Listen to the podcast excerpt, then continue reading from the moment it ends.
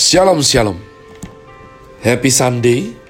Selamat hari Minggu 14 November 2021 Saya Pendeta Caleb Hofer Bintoro dalam anugerahnya. Penuh sukacita sampaikan pesan Tuhan melalui Grace Word yakni suatu program renungan harian yang disusun dengan disiplin kami doakan dengan setia supaya makin dalam kita beroleh pengertian mengenai iman, pengharapan, dan kasih yang terkandung dalam Kristus Yesus. Sungguh besar kerinduan saya bagi sekalian agar supaya kasih dan kuasa firman Tuhan setiap hari tidak pernah berhenti menjamah hati, menggarap pola pikir dan paling terutama kehidupan kita boleh sungguh, sungguh berubah menuju Christ likeness. Masih dalam season winter dengan tema multiply, Chris Word hari ini saya berikan judul Yesaya Fatsal yang kelima. Sebab demikianlah komitmen membaca kitab suci hingga habis.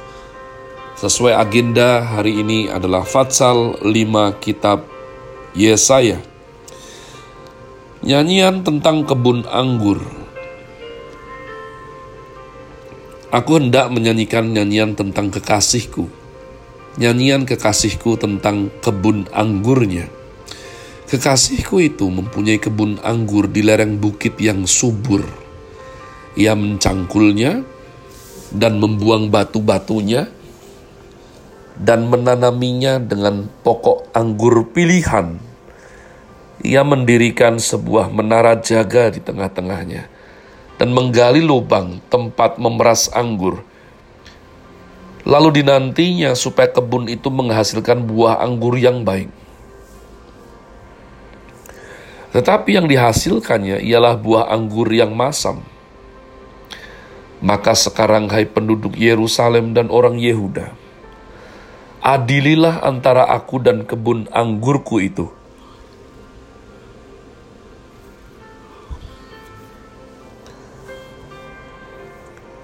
Apakah lagi yang harus diperbuat untuk kebun anggurku itu yang belum kuperbuat kepadanya?'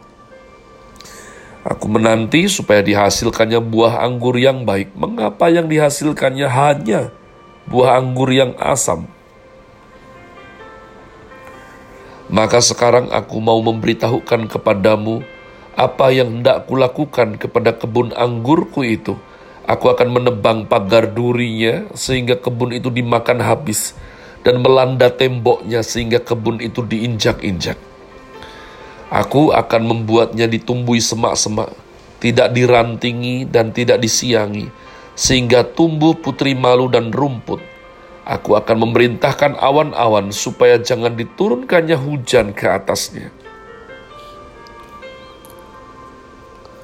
Sebab kebun anggur Tuhan semesta alam ialah kaum Israel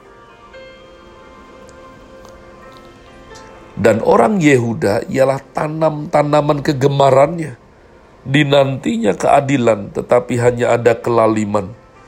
Dinantinya kebenaran, tetapi hanya ada keonaran. Umat Tuhan pada waktu kita membaca ayat 1, 2, 3 kita masih ya apa ini?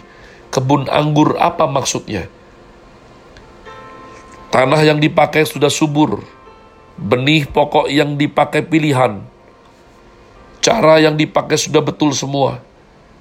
Diharapkan anggur baik, kenapa yang keluar hanya buah anggur yang asam? Ini pembicaraan mengenai apa? Maka ayat 7 diperjelas, kebun anggur itu ialah kaum Israel. Kekasih Tuhan, kaum Israel, umat pilihan Tuhan. Garden pertamanan adalah salah satu analogi perumpamaan yang disukai oleh Tuhan. Ya, berulang kali Tuhan menyebutkan kita seumpama pohon tarbantin kebenaran, iman kita seperti biji sesawi, bagaimana kita itu seperti benih yang ditabur, bagaimana kita hidup di tepi aliran sungai kehidupan yang hijau daunnya, berbuah setiap musimnya. Umat Tuhan secara kontinu dan konsisten, Tuhan memakai perumpamaan pohon untuk menggambarkan umatnya. Dan kali ini adalah pokok anggur. Betapa mengecewakannya Israel di hadapan Tuhan. Ayat 8 peringatan tentang pelbagai keburukan. Celakalah mereka yang menyerobot rumah demi rumah dan mencekau ladang demi ladang. Sehingga tidak ada lagi tempat bagi orang lain dan hanya kamu sendiri yang tinggal di dalam negeri di telingaku terdengar firman Tuhan semesta alam. Sesungguhnya banyak rumah akan menjadi sunyi sepi. Rumah-rumah yang besar dan yang baik tidak akan ada penghuninya. Sebab kebun anggur yang luasnya sepuluh hari membajak akan menghasilkan hanya satu bat anggur. Dan satu homer benih akan menghasilkan hanya satu eta gandum. Celakalah mereka yang bangun pagi-pagi dan terus mencari minuman keras dan duduk-duduk sampai malam hari sedang badannya dihangatkan anggur. Kecapi dan gambus, rebana dan suling, serta anggur terdapat dalam perjamuan-perjamuan mereka. Tetapi perbuatan Tuhan tidak dipandangnya, pekerjaan Tuhan tidak dilihatnya. Sebab itu umatku harus pergi ke dalam pembuangan. Oleh sebab mereka tidak mengerti apa-apa. Orang-orang yang mulia akan mati kelaparan dan khalayak ramai akan menderita kehausan. Sebab itu dunia orang mati akan membuka kerongkongannya lapang-lapang dan akan mengangakkan mulutnya lebar-lebar dengan tiada terhingga. Sehingga lenyap ke dalamnya segala kesemarakan dan keramaian Yerusalem segala kegaduhannya, dan orang-orang yang bersukaria di kota itu, maka manusia akan ditundukkan dan orang akan direndahkan. Ya, orang-orang sombong akan direndahkan. Tetapi Tuhan semesta alam akan ternyata maha tinggi dalam keadilannya. Dan Allah yang maha kudus akan menyatakan kekudusannya dalam kebenarannya maka domba-domba akan makan rumput di situ seperti di padangnya sendiri. Dan kambing-kambing akan mencari makan dalam reruntuhan gedung-gedung orang kaya. Celakalah mereka yang memancing kesalahan dengan tali kedustaan dan dosa seperti dengan tali gerobak. Yang berkata, baiklah Allah lekas-lekas dan cepat-cepat melakukan tindakannya, supaya kita lihat. Dan baiklah keputusan yang maha kudus Allah Israel datang mendekat, supaya kita tahu. Celakalah mereka yang menyebutkan kejahatan itu baik dan kebaikan itu jahat, yang mengubah kegelapan menjadi terang dan terang menjadi kegelapan, yang mengubah pahit menjadi manis dan manis menjadi pahit. Celakalah mereka yang memandang dirinya bijaksana, yang menganggap dirinya pintar, Celakalah mereka yang menjadi jago minum dan juara dalam mencampur minuman keras, yang membenarkan orang fasik karena suap dan memungkiri hak orang benar. Ayat 24 Sebab itu seperti lidah api memakan jerami, dan seperti rumput kering habis lenyap dalam nyala api. Demikian akar-akar mereka akan menjadi busuk, dan kuntumnya akan berterbangan seperti abu oleh karena mereka telah menolak pengajaran Tuhan semesta alam dan menista firman yang maha kudus Allah Israel. Jadi umat Tuhan, mengerikan sekali nubuatan ya bagi Israel. Yesaya diperintahkan Tuhan memberi prolog kalau kamu tidak bertobat sungguh-sungguh kira-kira ini yang akan terjadi. Dan sudah cermati ada empat kali kata celaka.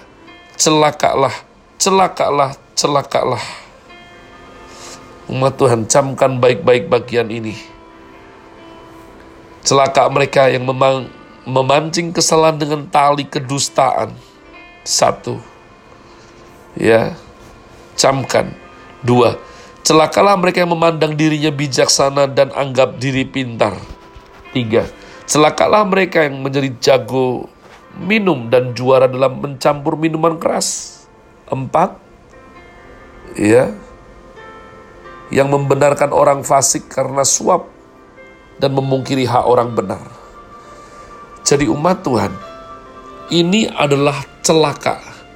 Ini adalah sesuatu yang Tuhan sudah peringatkan, tapi Israel, Yerusalem, Yehuda melanggar, melanggar, dan melanggar.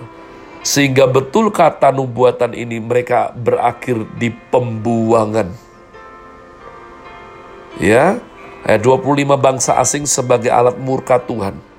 Sebab itu bangkitlah murka Tuhan terhadap umatnya. Diacungkan tangan, diacungkannya tangannya terhadap mereka dan dipukulnya mereka. Gunung-gunung akan gemetar dan mayat-mayat mereka seperti kotoran di tengah jalan Sekalipun semuanya ini terjadi, murkanya belum surut. Tangannya masih teracung. Ia akan melambaikan panji-panji ke berbangsa yang dari jauh dan akan bersuit memanggil mereka dari ujung bumi. Sesungguhnya mereka akan datang dengan segera, dengan cepat. Tiada yang lelah, tiada yang tersandung di antaranya. Mereka tidak terlelap dan tidak tertidur tidak terlepas ikat pinggangnya dan tali kasutnya tidak terputus. Anak panahnya ditajamkan, segala busurnya dilentur, kuku kudanya keras seperti batu api, noda keretanya, roda keretanya seperti puting beliung, aumnya seperti singa betina. Mereka mengaum seperti singa muda. Mereka meraung dan menangkap mangsanya, membawanya lari dan tidak ada yang melepaskan pada hari itu mereka akan diliputi oleh suara seperti suara laut menderu. Jika orang memandang ke bumi sesungguhnya ada gelap yang menyesakkan dan terang menjadi gelap oleh awan-awan. Ngeri sekali. Semua penderitaan pilihan yang salah semua firman Tuhan sudah ajarkan dari depan.